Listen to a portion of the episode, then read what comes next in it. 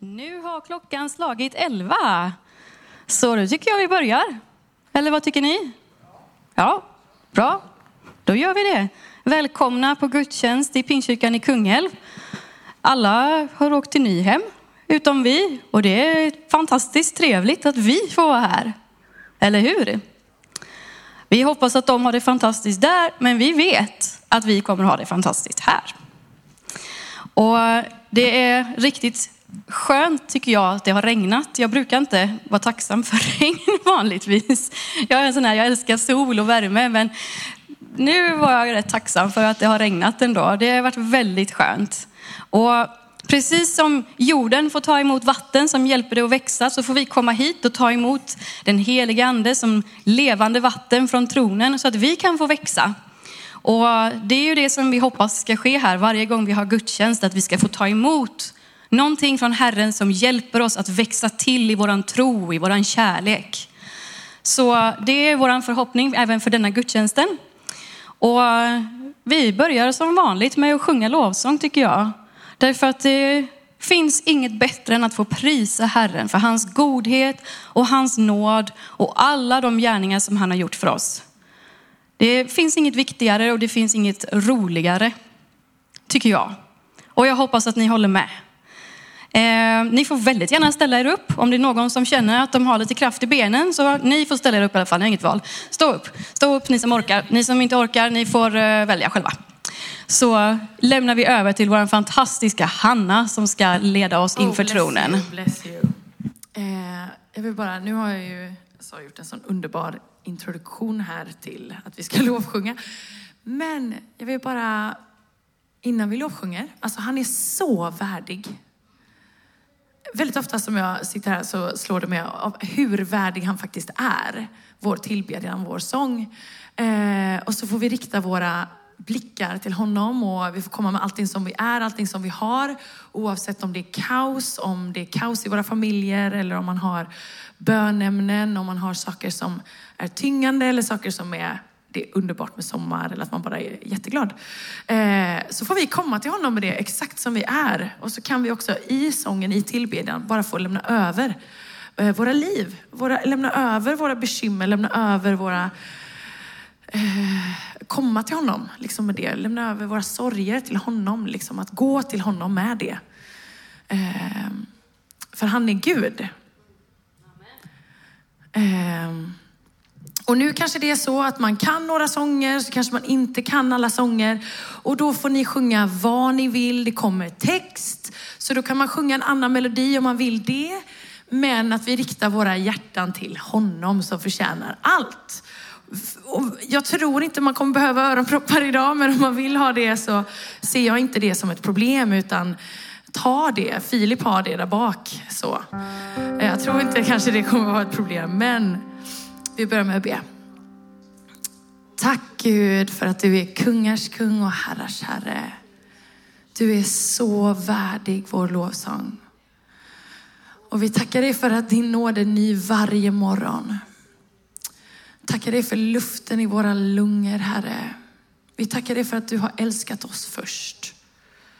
Vi tackar dig för livet, vi tackar dig för frälsningen och vi vill komma inför dig med tacksägelse. Vi vill tacka dig, vi vill prisa dig. Du är så värdig. Jesus. Och vi kommer inför dig med allting som vi är. Vi behöver inte fixa någonting inför att komma till dig, utan vi kan komma exakt som vi är, Gud. Och vi bara ber att du, idag att det får bli en, en gudstjänst också bara av renande, av helande, av upprättelse av ditt rike, Herre. Att vi får bli påfyllda av dig. Mm. Amen.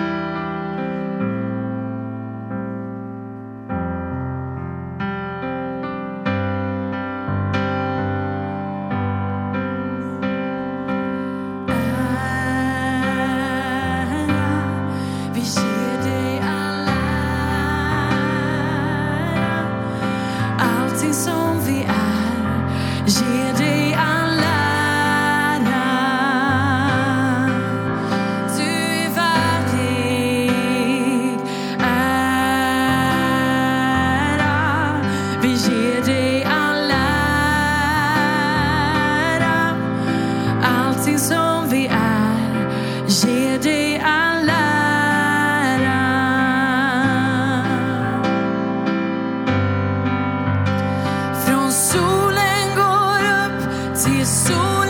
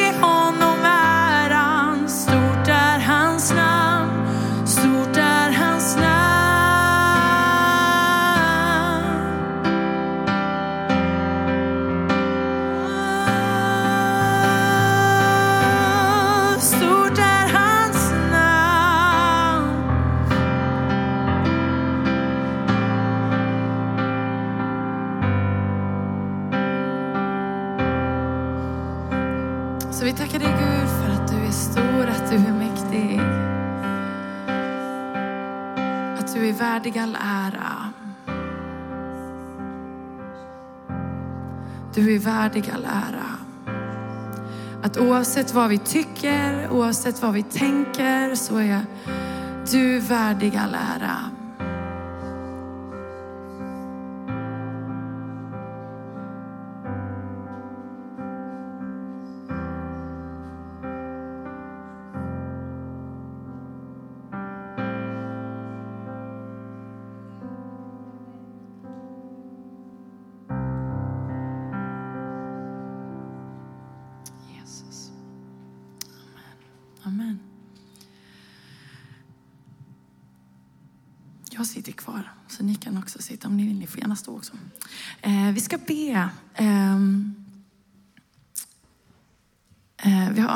Något bönämne här.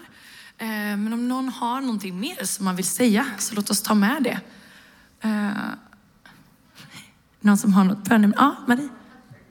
Ja, underbart.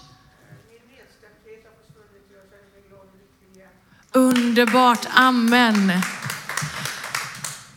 Och sa det att nedstämdhet har släppt och du känner dig glad igen. Ja, vad underbart. Tack Jesus. Vi kan väl säga så här, jag jag sa bara, är det någon som har några bönämne? Är det någon som har några tacksägelseämne mer? Ja. Ja. Ja.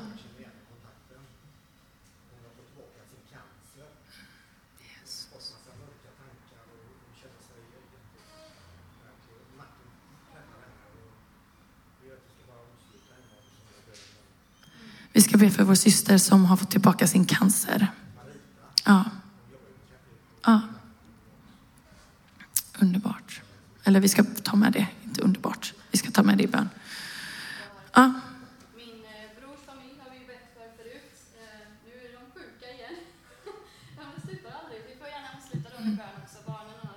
Feber och de kräks och de mår dåligt. Och det är tufft för dem. De är ju som missionärer i Kambodja. Vi ska be för Saras familj, brors familj. Ja, precis. Ja. Tre barn som är sjuka, som är missionärsfamilj ute i Kambodja. Ehm, och sen har vi fått in ett bönämne här också. Eh, en person som inte orkar längre eh, med sin situation och sitt liv. Ehm, vi ber om att Jesus ska gripa in i den här personens liv. Ehm, så vi ber. Mm, jag ställer mig upp. Herre, vi ber. Eh, vi vet att du är kung, att du är kungars kung och herrars herre. Vi tror på kraften i bön. Vi vet att du gör under idag. Så vi bara ber för Marita, vi bara talar till den här cancern att gå i Jesu namn. Och vi tackar dig för också att, mm, att vi också fått se att Maria också tapp, blivit av med sin nedstämdhet. Så vi vet också att den nedstämdhet som Marita också känner, att Gud, att du också hör bön. Så vi bara talar hopp in i hennes situation i Jesu namn. Vi talar hopp i hennes situation i ditt namn Jesus. Vi ber för familjen i Kambodja. Du ser alla barn, du ser den här sjukdomar som eh, kommer. Vi bara talar till de sjukdomarna att gå i Jesu namn. Vi tar auktoritet i ditt namn Herre. Eh, och vi bara talar till de sjukdomarna att gå i Jesu namn. Så talar vi hälsa över hela familjen. Vi ber att ditt rike ska komma över dem Herre. Och att du ska upprätta, att du ska hela, att du ska läka. Jesus, Jesus. Och vi tackar dig för att du alltid fullbordar det du påbörjat. Så att de sakerna som vi har i våra liv, Gud, att du faktiskt fullbordar det du har påbörjat. Och du ser också varenda bönämne som finns i det här rummet. Du ser de personerna som går med sjukdom. Du ser de personer som går med eh, tuffa relationer eh, och tuffa situationer, Herre. I sin familj eller om man har eh, barn som inte vandrar med dig, som man ber för, som man står i bön för eller vänner. Jesus, jag bara ber att du griper in. Tack för att du är en god Gud, att du är en god Gud och att du upprättar, Herre. Och vi vet att i himlen så finns ingen sjukdom, det ska inte finnas någon sorg, ska, det ska inte vara några tårar. Så vi vet att, att där faktiskt din vilja fullständigt råder, där finns inte sjukdom. Så vi bara ber att du ska, vi tackar dig för att det är din vilja. Så vi ber frimodigt. Vi ber frimodigt i ditt namn. För varenda person här inne och de personer som vi tänker på. Att du ska lyfta av sjukdom. Att du ska komma med läkedom, att du ska komma med helande. Till kropp och till själ, Herre. Och Herre, vi, du ser också de personerna i vår närhet som har, lider av depression eller hjärntrötthet. Vi bara talar till det. Att lämna i Jesu namn. Vi ber om frihet och vi vet att det är fullständigt naturligt i ditt rike. Att det är det som du också dog för. För att sätta oss fullständigt fria. Fullständigt fria. Och vi ber också för den här personen eh, som inte orkar mer. Herre, grip in i den här personens liv. Jesus, grip in i den här personens liv. Vi bara ber att du kommer att du upprättar, att du hjälper den här personen, att du vänder den här situationen från mörker till ljus i Jesu namn. I Jesu namn.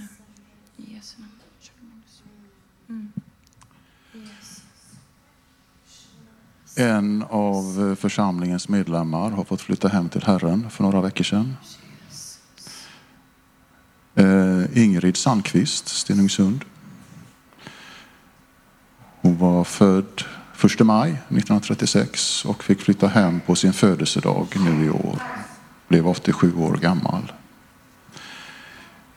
Jag vet inte så mycket mer än att några år tillbaka så hade ju Hilding Gunnarsson kontakt och besökte henne och under de senare åren så är det Frank Wikström som har haft lite kontakt och besökt henne så, från omsorgsgruppen. Begravningen har ägt rum. Församlingen hade blommor med på begravningen. Vi ber. Tack Jesus för Ingrid Sandqvist och hennes liv, Herre. Tack för att hon har fått komma hem till dig, Jesus. Tack för vad hon har fått betyda här i sitt liv på jorden. För de människor som hon har haft runt omkring sig och för sin familj, Herre. Tack Jesus för att du ser familjen och vännerna, den sorg och saknad de känner nu Jesus.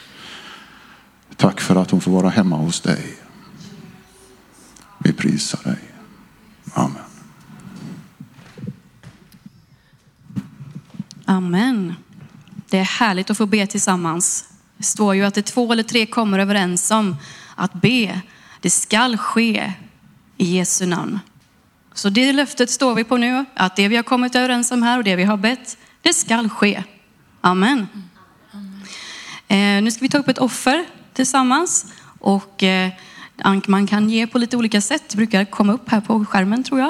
Eh, med Swish eller via banken eller så kan man få ge i kollektbössan som går förbi. Och eh, ska du inte ge pengar idag så kan du ju ge en bön att den här som vi samlar in ska få gå till precis det som Gud har tänkt att, att han vill göra med det.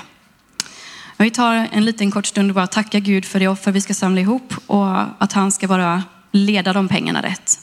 Tack Fader för att du är den som har all rikedom på jorden. Du äger alla medel, du äger alla pengar och skatter, de är dina. Vi får bara låna dem och förvalta dem och vi tackar dig nu för att vi får chans att ta av det som vi ser som vårt eget och ge till dig, ge till ditt rike. Tack för att du välsignar offergåvan, varje offergåva som vi samlar in och den här idag. Tack för att du ska leda de pengarna till att det blir så stor framgång för ditt rike som möjligt. I Jesu namn. Amen. Och medan vi samlar in offret så får vi även sjunga och lyssna.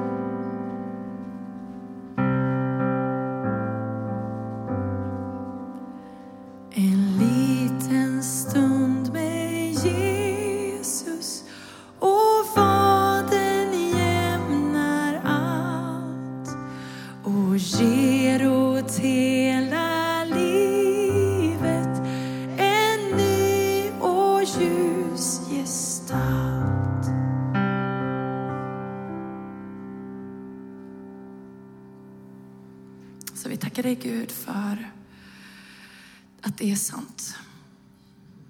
Att det förändrar när vi spenderar tid med dig. Så vi ber om det också just nu när Sara ska dela ordet med oss, Herre. Att du kommer och talar. Eh. Ja, i Jesu namn.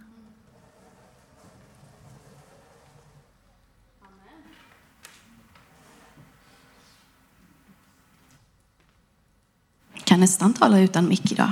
Jag har en sån högljudd stämma.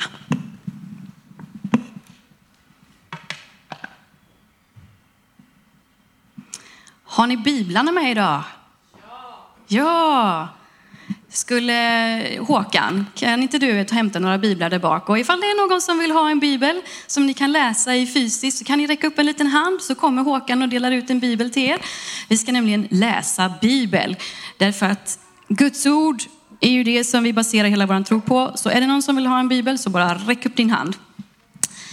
Eh, och ni som var med på bönen i tisdags, eh, ni hörde mig läsa ett, ett bibelord. Eh, och det var nämligen så att Rebecka kom till mig och frågade, har du något bibelord du vill dela på bönen? Jag tänkte, ja det har jag väl alltid, ett bibelord att dela. Det säger man ju inte nej till, tänkte jag. Så jag funderade lite och sen så tänkte jag att ja, ja, men jag är ju i alla fall barnpastor så jag får väl ta ett av de där orden som handlar om barn då. Passar ju sig. Och så läste jag i Matteus eh, 18 och vers 1 till 5. Och tänkte att ja, men det är ju ett härligt bibelord som alla blir glada av och känner sig välsignade av och sådär. Och det var bara det att när jag läste det så var det inte bara glädjande och välsignande utan det blev faktiskt undervisande för mig också. Och jag tycker det är så häftigt hur Gud kan öppna upp bibelordet precis när som helst så att när man läser ett ord som man tycker att man kan och man har hört det massa gånger, man kanske till och med har hört massa predikningar om det, men plötsligt så bara ser man nya djup, ny mening, ny glädje, ny härlighet i det. Och så blev det för mig med detta bibelordet. Och så när jag hade barnråd, jag hade förmånen att få träffa våra fantastiska barnledare i, onsdags och ha ett barnråd. Och då skulle vi också dela, eller jag delade ett ord och då tänkte jag, men jag delar samma för det var ju så bra. Och då blev det ändå lite mer att jag liksom kom nya tankar och så jag tänkte, nej nu får jag nog titta lite närmare på det här lilla bibelstycket. Och så bestämde jag mig för att nej, men det får bli faktiskt söndagens predikan helt enkelt. Så det är där som vi kommer att börja och ta vårt avstamp. Så om ni nu har en bibel då så slår ni upp Matteus 18. Och vi kommer börja i vers 1 och så kommer vi gå igenom en vers i taget. Men först så ber vi. Tack Fader för att du är här. Tack för att det är ditt ord som ska predikas. Tack för att du heligande är den som talar. Tack för att det är dina ord som talas. Och jag ber nu att du ska gå ut med ord till var och en som sitter här. Varje hjärta ska få höra från dig. Inte genom någon människas kraft utan genom din heliga ande. I Jesu namn. Och alla sa Amen. Amen. Matteus 18 och 1. Så står det i vers 1. Jag läser nu från folkbibeln, översättning från 98, så vet ni ifall det står lite annorlunda grann. I samma ögonblick kom lärjungarna fram till Jesus och frågade, vem är störst i himmelriket?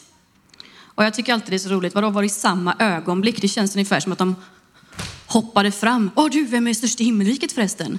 Men då är det så att jag har köpt hem sånt här lite fina band med den grekiska grundtexten och sån här ordagrann översättning och fullständigt snöat in mig på det här. Så nu kommer ni få höra jättemycket om den grekiska grundtexten. Och där så står det faktiskt ordagrant eh, vid den tiden på dagen. Vilket jag kan tycka är lite mer lättförståeligt. Så då vet ni det att det var liksom inte någon slags attack sådär i en sekund. Utan vid den tiden på dagen så kom lärjungarna fram och de hade en diskussion. Och i grundtexten så står det faktiskt inte ordagrant störst i himmelriket. Utan det står vem är större i himmelriket? Eller i riken himlarnas står det, så det är också en grej. Men det, det är så det står. Och jag har alltid tänkt att rent logiskt så måste ju svaret på frågan vem är störst i himmelriket vara Gud. Eller? Om ni tycker så så kan ni säga ja. Ja, ja vad bra, ni håller med mig. Yes, gött. Ja, det är så fantastiskt. Eh, och därför så har jag alltid varit lite så här, men vem då är störst i himmelriket? Det är ju Gud liksom. Men det som lärjungarna egentligen frågar efter här, det är hur får man status? Hur får man en position, en hög position i himmelriket? Hur blir man större i himmelriket? Och i vers 2 då så gör Jesus så som han alltid gör. Han är ju den bästa predikanten. Står i vers 2. Då kallade Jesus till sig ett barn och ställde det mitt ibland dem. Han är så konkret. Han, han bara pratar inte, han, inte, han inte bara svarar, utan han tar fram och ställer ett barn. Det var inte som att han behövde specifikt det barnet egentligen. Han hade kunnat svara lika väl ändå. Men bara för att de skulle verkligen förstå vad han menar, för att de skulle verkligen kunna se det framför sig, så kallade han till sig ett barn och ställde det framför dem. Och då kommer vi in i vers 3. Är ni med? Matteus 18 och vers 3. Och Jesus sa, Amen säger jag er, om ni inte omvänder er och blir som barn kommer ni inte in i himmelriket.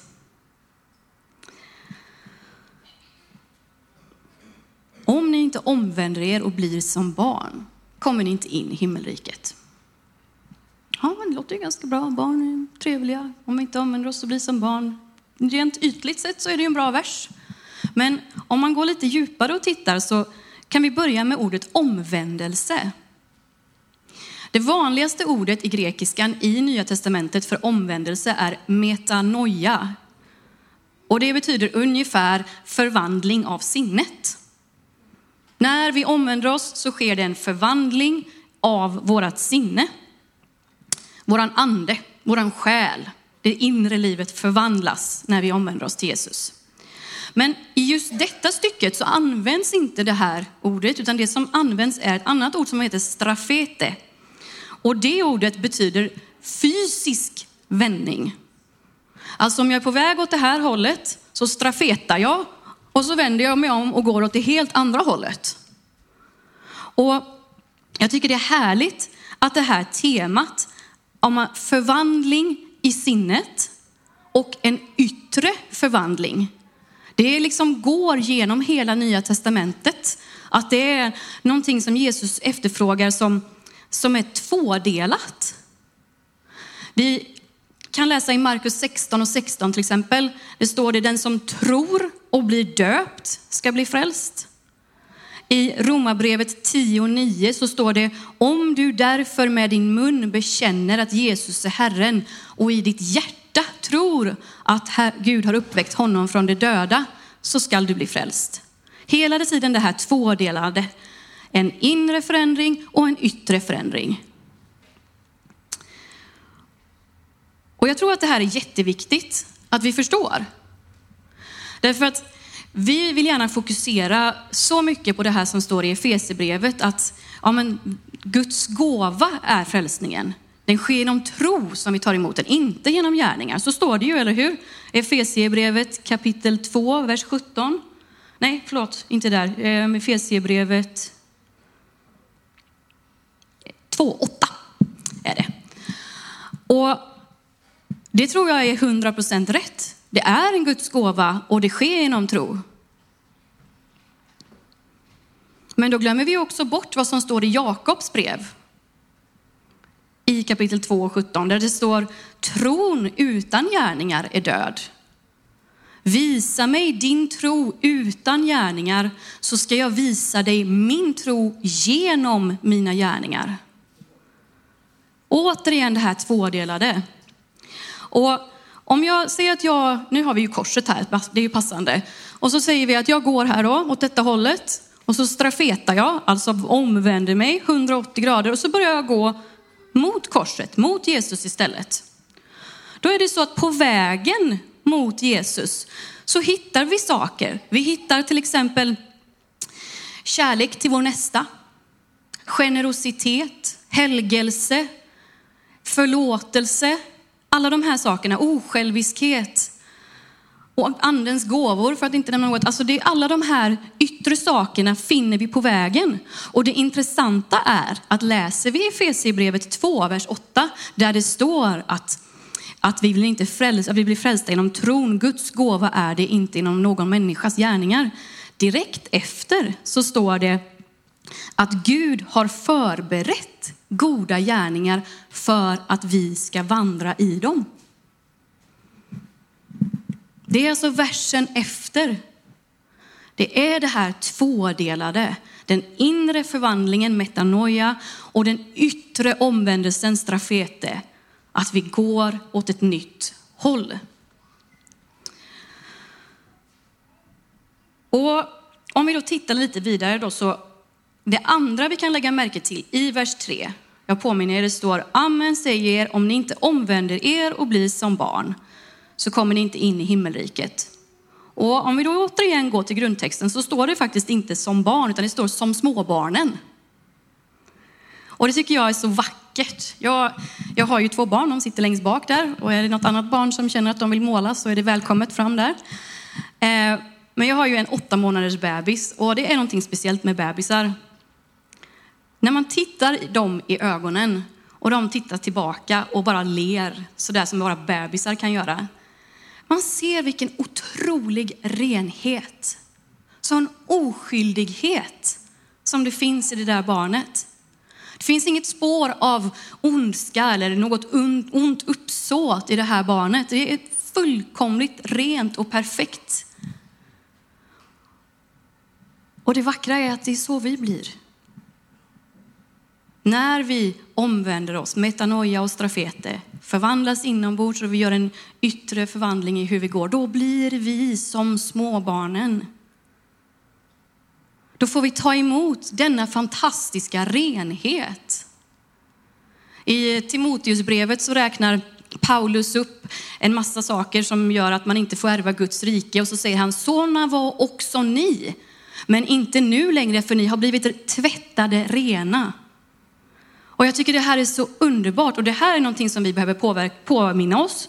Därför att när åklagaren kommer till oss och säger, ja men du, du som har gjort det där och det där och du som är sån där och sån där. Skulle du verkligen kunna vara frälst? Skulle du kunna göra något gott för Gud? Då kan vi bara säga att, ja men, eh, jag vet inte vad du pratar om. I Jesaja så står det att Gud glömmer bort våra synder. I Mika så står det att han trampar på våra missgärningar och kastar våra synder i havet. Om inte Gud kommer ihåg vad jag har gjort för dumheter, varför ska jag då komma ihåg det? Det känns ju väldigt onödigt, eller vad säger ni? Nej, ja, ja. Ni får gärna svara så jag vet att ni är med. Ja, det är bra. Nej men seriöst, det, det, här känns så viktigt därför att ju äldre man blir desto fler misstag hinner man göra. Så är det ju väldigt tragiskt sett. Eh, och man kan lätt gå ner sig i det här, ja men jag, jag kan inte det, jag är sån här och jag har gjort det här och jag tänker så och jag känner så. Men Gud har sagt att det sker en renande förvandling när vi omvänder oss och vi blir som småbarnen. Vi blir så rena, så perfekta, så utan skuld och utan skam. Och det här får vi ta till oss och tro på att det faktiskt är sant för oss. Och i Johannes 13, så det är ett kapitel precis innan Jesus ska korsfästas och då ska de ha den sista måltiden. Och så tar Jesus fram en handduk och ett tvättfat och börjar tvätta lärjungarnas fötter. Och så säger Petrus, nej, tvätta inte mina fötter, för han tycker att det kan ju inte den store Jesus göra. Då säger Jesus, jo, men om jag inte tvättar dina fötter så har du ingen del i mig. Och Petrus säger, nej men då får du tvätta hela huvudet och allting på hela kroppen. Eh, han är så skön Petrus, han är så här, nej nej, ja men alltihop. han är verkligen allt eller inget den killen liksom. Jag gillar det, det är min slags personlighet. men då säger Jesus, den som har badat är alltigenom ren. Men vi behöver fortfarande tvätta fötterna ibland. Och det är ju det som händer när vi begår nya misstag. För det är så lätt att tänka att, ja, jo, visst blev jag frälst och jag fick den här förvandlingen och jag blev ren som ett småbarn då. Men sen då?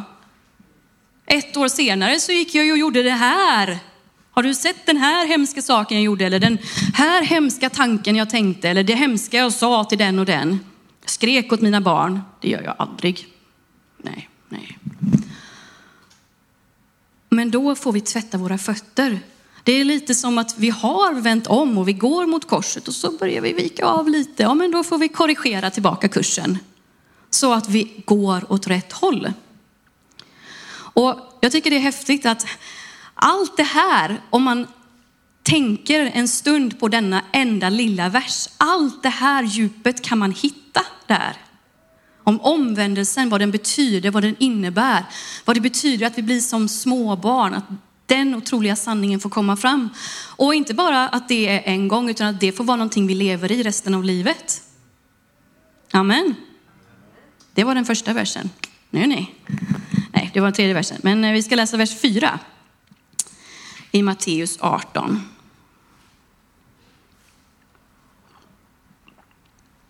Den som ödmjukar sig som detta barn, han är den störste i himmelriket. Och när jag läste detta så tänkte jag, hallå Jesus, har du träffat barn? De är inte så ödmjuka oftast.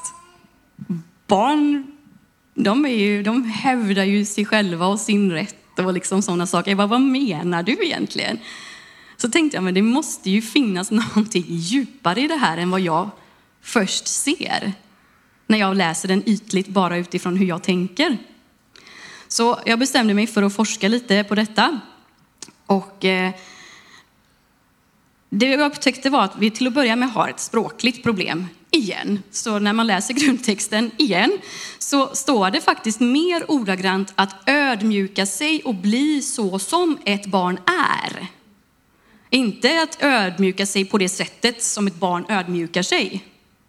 Och genast där blir det ju lite mer lättförståeligt. För att jag känner inte så många barn som brukar ödmjuka sig så där konkret så som vi tänker att man ödmjukar sig. Men om man tänker på barn i allmänhet så, så återkopplar det här till lärjungarnas fråga om vem som har status och position i himmelriket. Barn har ju egentligen ingen speciell makt i sig själva. De är ju helt beroende av de som tar hand om dem, eller hur? De har ingen speciell position eller status som de inte får av till exempel sina föräldrar. Är man prinsessa i Sverige så är man det för att mamma och pappa är kung och drottning eller prinsessor också, eller hur? Det, barn är, de är liksom egentligen väldigt låga i position och är helt beroende att någon tar hand om dem och lyfter upp dem. Och det ordet som används i den här versen för att ödmjuka sig, det är tapeino på grekiska. Och det betyder precis det här. Att bli statuslös, att nedsänka sig själv till en lägre position. Att, att bli ett tomt kärl som, som inte är någonting i sig själv, som inte har någon stolthet i sig själv. Och det är också någonting som man ser hos barn. Barn, de har inte så mycket stolthet på det sättet som vi vuxna har. De kan vara stolta över en teckning som de har gjort, men de brukar inte ha den här stoltheten som skadar andra människor. Och det jag tror att Jesus är ute efter, det är just det här att sådana som inte söker sin egen position utan istället sänker ner sig till att ha en låg status. Det är de som har hög status i himmelriket. Och där är ju faktiskt, eh, det var en som skrev när jag började söka lite på andra som har forskat i detta, så var det en som skrev att just det här med att, att Jesus kallar till sig ett barn och barnet kommer. Barnet lyder, barnet vet att lyssna till hans röst och komma. Det liksom visar på den här ödmjukheten som vi ska ha inför Herren. När han kallar på oss så kommer vi som ett barn som kallas på av sina föräldrar. Det är inte så att mitt barn alltid kommer när jag kallar, men ofta i alla fall. Han jämförde den här killen som skrev det, han jämförde det med att Jesus hade precis talat med Israel om vem han var, men Israels folk hade inte tagit emot honom. Men barnet som han kallade på kom när han kallade på det. Och en annan aspekt i detta som jag också tänkte på, det är att barn är så fantastiska därför att de tror sig inte veta bättre. Jag har en fyraåring och hon vill veta allt. Det är liksom, varför då? Hur fungerar det? Vad betyder det här? Varför är det så? Hela tiden. Och hon är så vetgirig. Men hon tror sig inte veta bättre. Det blir först när de blir lite äldre och liksom kommer upp mot tonåren så här, då förlorar man den här otroliga förundran som finns över världen. Och Ett litet roligt exempel på det här är att jag jobbade eh, med sexåringar på en fritidsverksamhet som var efter skolan då för flera år sedan. Och så hade jag en av pojkarna, han hette Emil. Han var lite av den här busigare typen av pojke så ja, man fick hålla lite koll på honom. Och så var vi i Bamba och åt och han tappade sin macka på marken. Och då så sa jag genast, ja men Emil, du har väl hört om femsekundersregeln? Nej, vad är det, sa han. Ja, men mat som har legat mindre än fem sekunder på marken blir inte smutsig och man kan plocka upp den och äta den. Och han sa, wow! Alltså han blev helt förundrad. Därför att det fanns inte i honom att förstå att jag, jag skojade ju med honom. Därför att han tog mig på orden. Och det är samma sak när man predikar om Guds rike för barn. De, tar, de tycker inte det är konstigt med helanden och mirakler och att Gud talar till oss eller svarar på våra böner. Därför att de har inte hunnit lära sig någonting annat från världen än. Säger man till dem att det här funkar, då funkar det därför att de tror på det. Och så tror jag verkligen att vi behöver bli. Ehm, för någon vecka sedan så så firade vi bröllopsdag, jag och Anders. Och eh, då tog han med mig på sån här bodyflight. Jag vet inte om ni vet vad det är, men det är liksom en stor torn så här och så är det en fläkt som fläktar upp och så får man kasta sig och så får man flyga. Bara, men man har inget annat än sig själv som bara ligger på vinden. Jättehäftigt, jättekul. Och eh, då är det så att man får göra det från tre års ålder. Och då tänkte vi att ah, men det hade ju varit kul om, om vi tog med vår dotter. Liksom. Hon fyller ju fyra nu i, i sommar. Och så sa Anders någonting som verkligen, som verkligen slog mig. Han sa, ja fast hon kommer ju inte tycka att, att det här är något konstigt. Därför att hon gör så många saker för första gången. Och jag tänkte, wow, vilken sanning. Alltså hon kommer ju tycka det är roligt, hon kommer vara förundrad, men hon kommer inte tycka att det är något konstigt. Och så ska ju vi vara till allt det som har med Gud och Bibeln och allting som han gör, allting som han vill att vi ska göra. Vi får vara förundrade över hans väldiga gärningar, allting som vi ser. Men det är inget konstigt.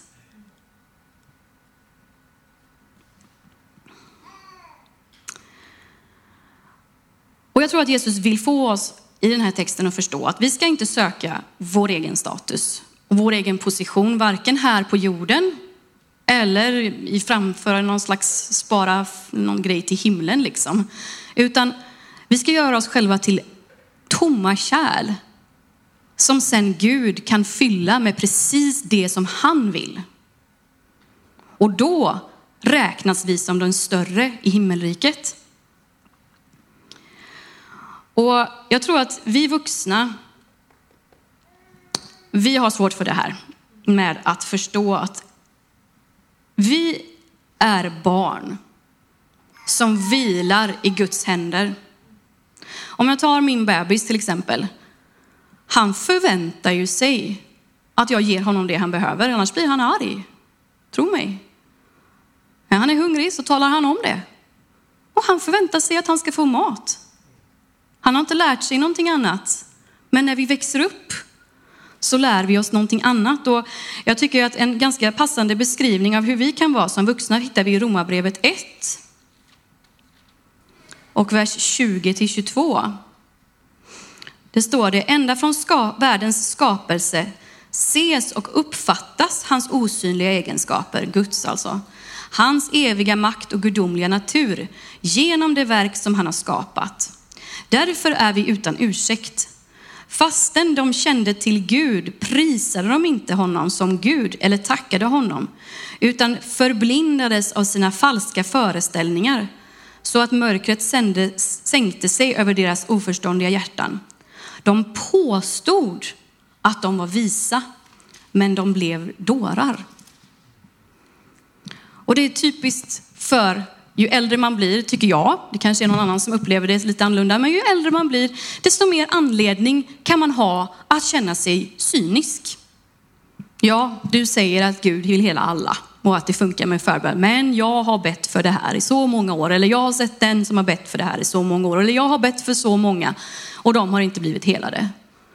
Vår erfarenhet trycker bort den här tron som Jesus säger att vi ska ha. Och det är därför han säger att vi ska bli, vi ska bli som barn. Och det är intressant återigen, för i grundtexten så står det faktiskt eh, den som vill ödmjuka sig och bli som ett barn. Så det är ganska skönt för oss att det är inte så här att oh, men nu måste vi ta i och så måste vi lyckas ödmjuka oss. Oh, jag, kan, jag kanske lyckas ödmjuka mig lite så blir jag lite som ett barn. För då är vi tillbaka i det här med gärningarna, att vi i vår egen kraft ska klara av det. Men det står ju faktiskt den som vill ödmjuka sig, den som kämpar mot det, den som hela tiden har siktet inställt på att det är det här jag vill åt. Jag vill ödmjuka mig och bli som ett barn. Där kommer han och hjälper oss att bli det.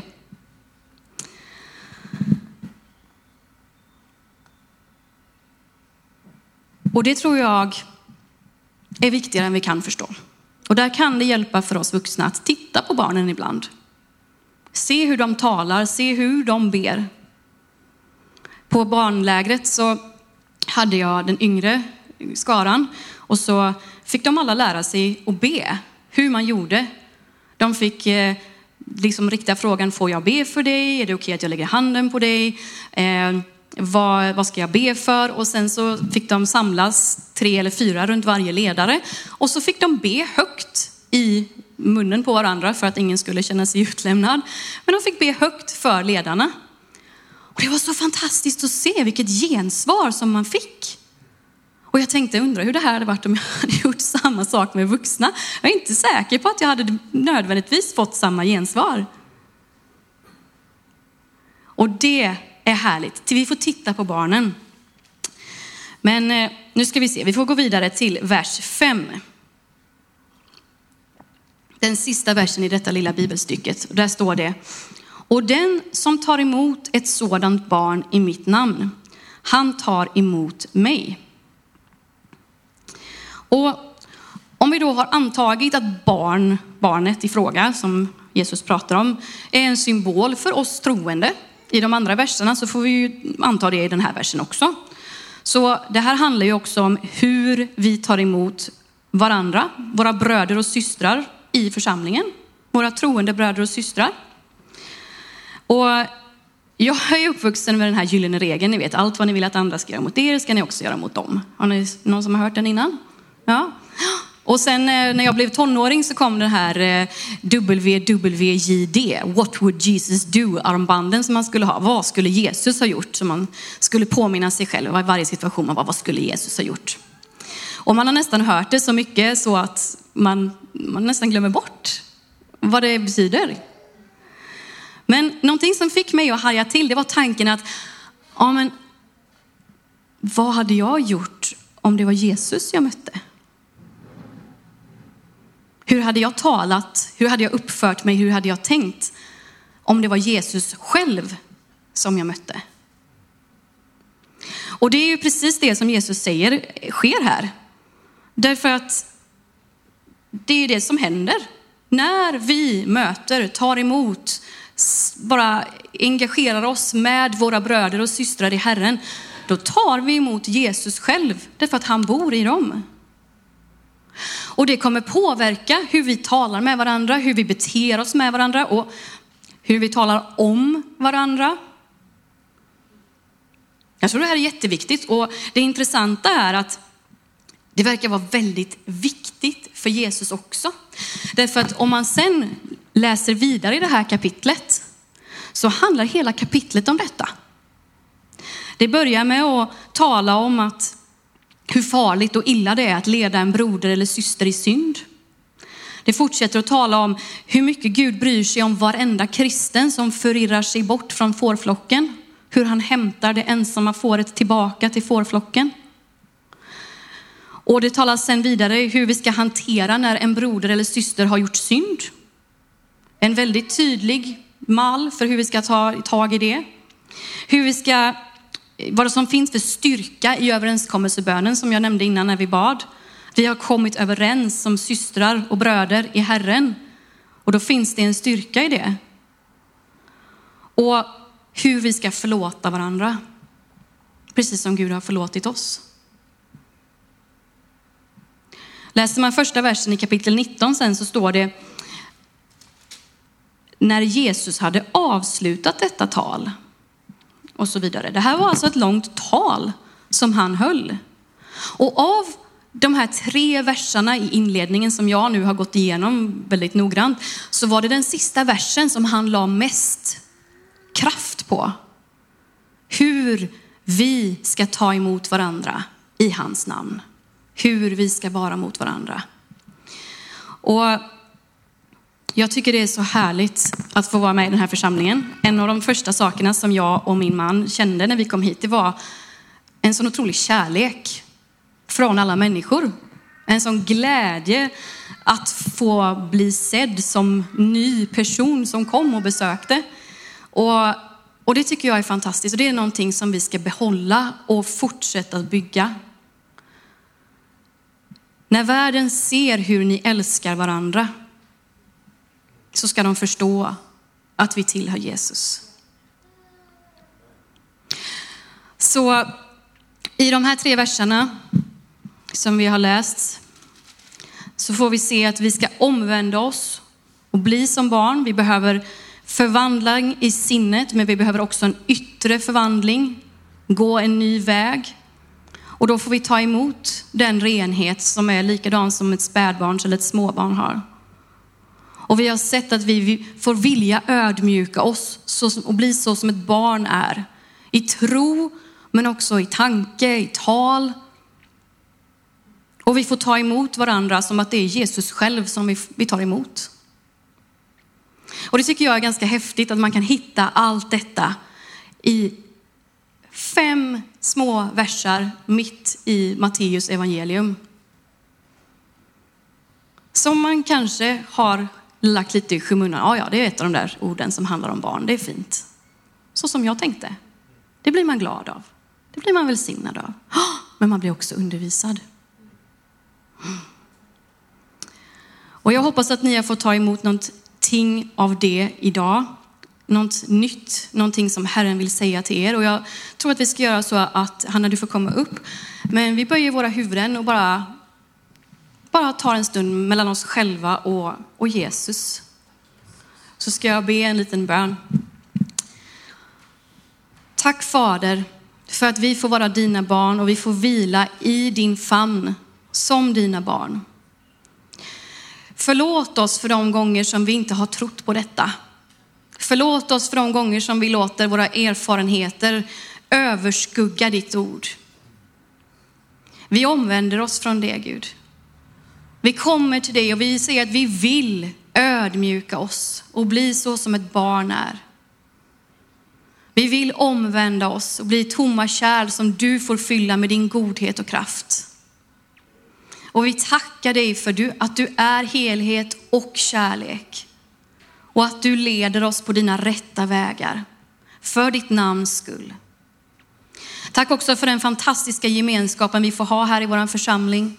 Tack för den kärlek som redan finns och vi ber att den ska få växa i ditt namn.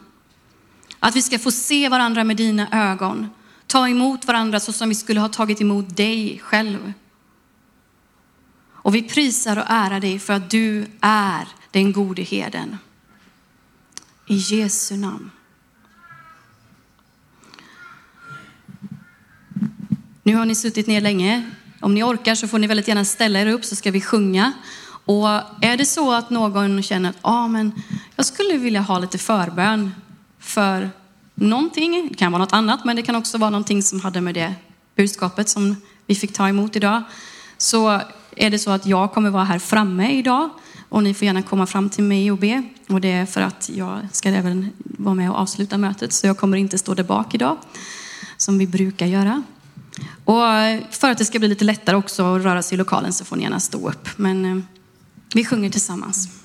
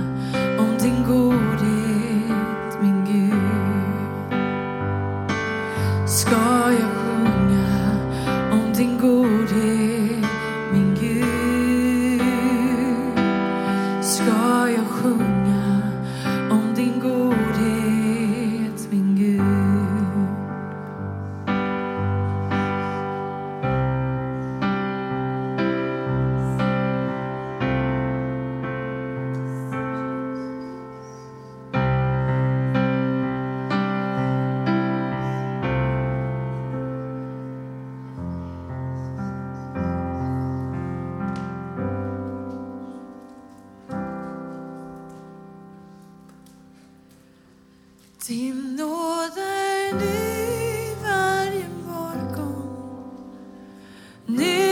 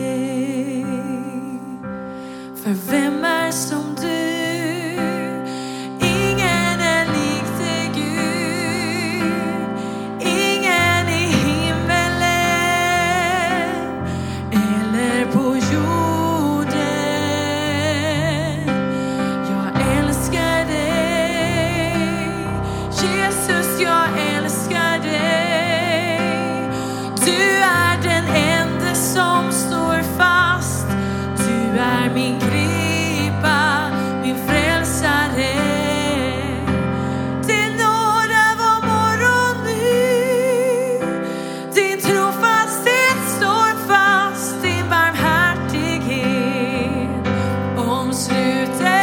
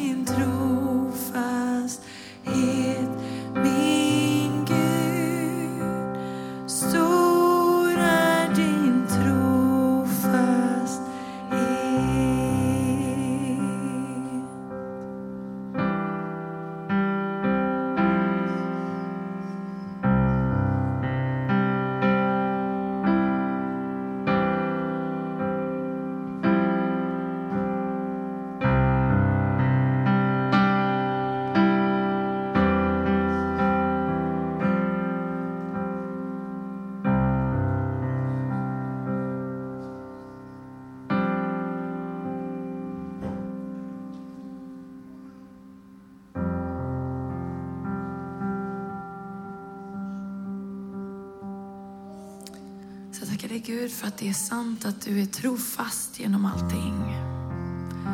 Att du är trofast genom allting, Herre. Och att vi får omvända oss eh, och se på dig, Herre.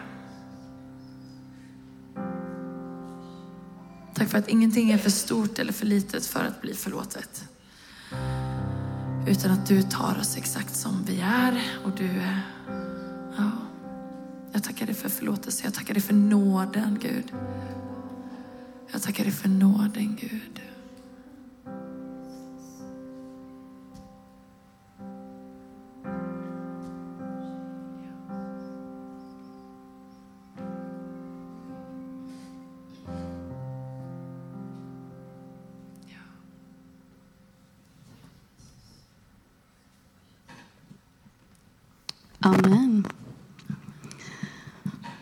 För förmånen att få fira gudstjänst i Guds hus tillsammans med er. Det är härligt att få vara en del av Kristi kropp. Nu blir det som vi brukar, fika, stanna gärna, samtala, möt varandra som att det var Jesus som mötte er. Och nu vill vår ordförande säga någonting här. Det får han. Det kanske, ja, först, det är fantastiskt att ha Sara här. Våran pastor med ansvar för barn och familj. Ni kanske undrar hur det går med föreståndare? Vi har kommit överens med Fredrik Jennerhav om anställning på 80 procent här i vår församling som pastor och föreståndare. Han ska börja andra veckan i augusti. Han har redan haft en liten träff med Sara och Rebecka. Diskutera i pastorsteamet så, snacka ihop sig lite. Han var med på församlingsledningens möte i tisdags också. Så det känns väldigt bra. Den enda lilla detaljen som återstår som vi ska försöka få till det är att skriva på anställningskontraktet också. Försöka få till att träffas och sådär. Vi, vi misslyckades i fredags men får se hur vi lyckas framöver med det. Så det är ett stort tacksägelseämne tycker jag. Att vi har ett pastorsteam igen i församlingen.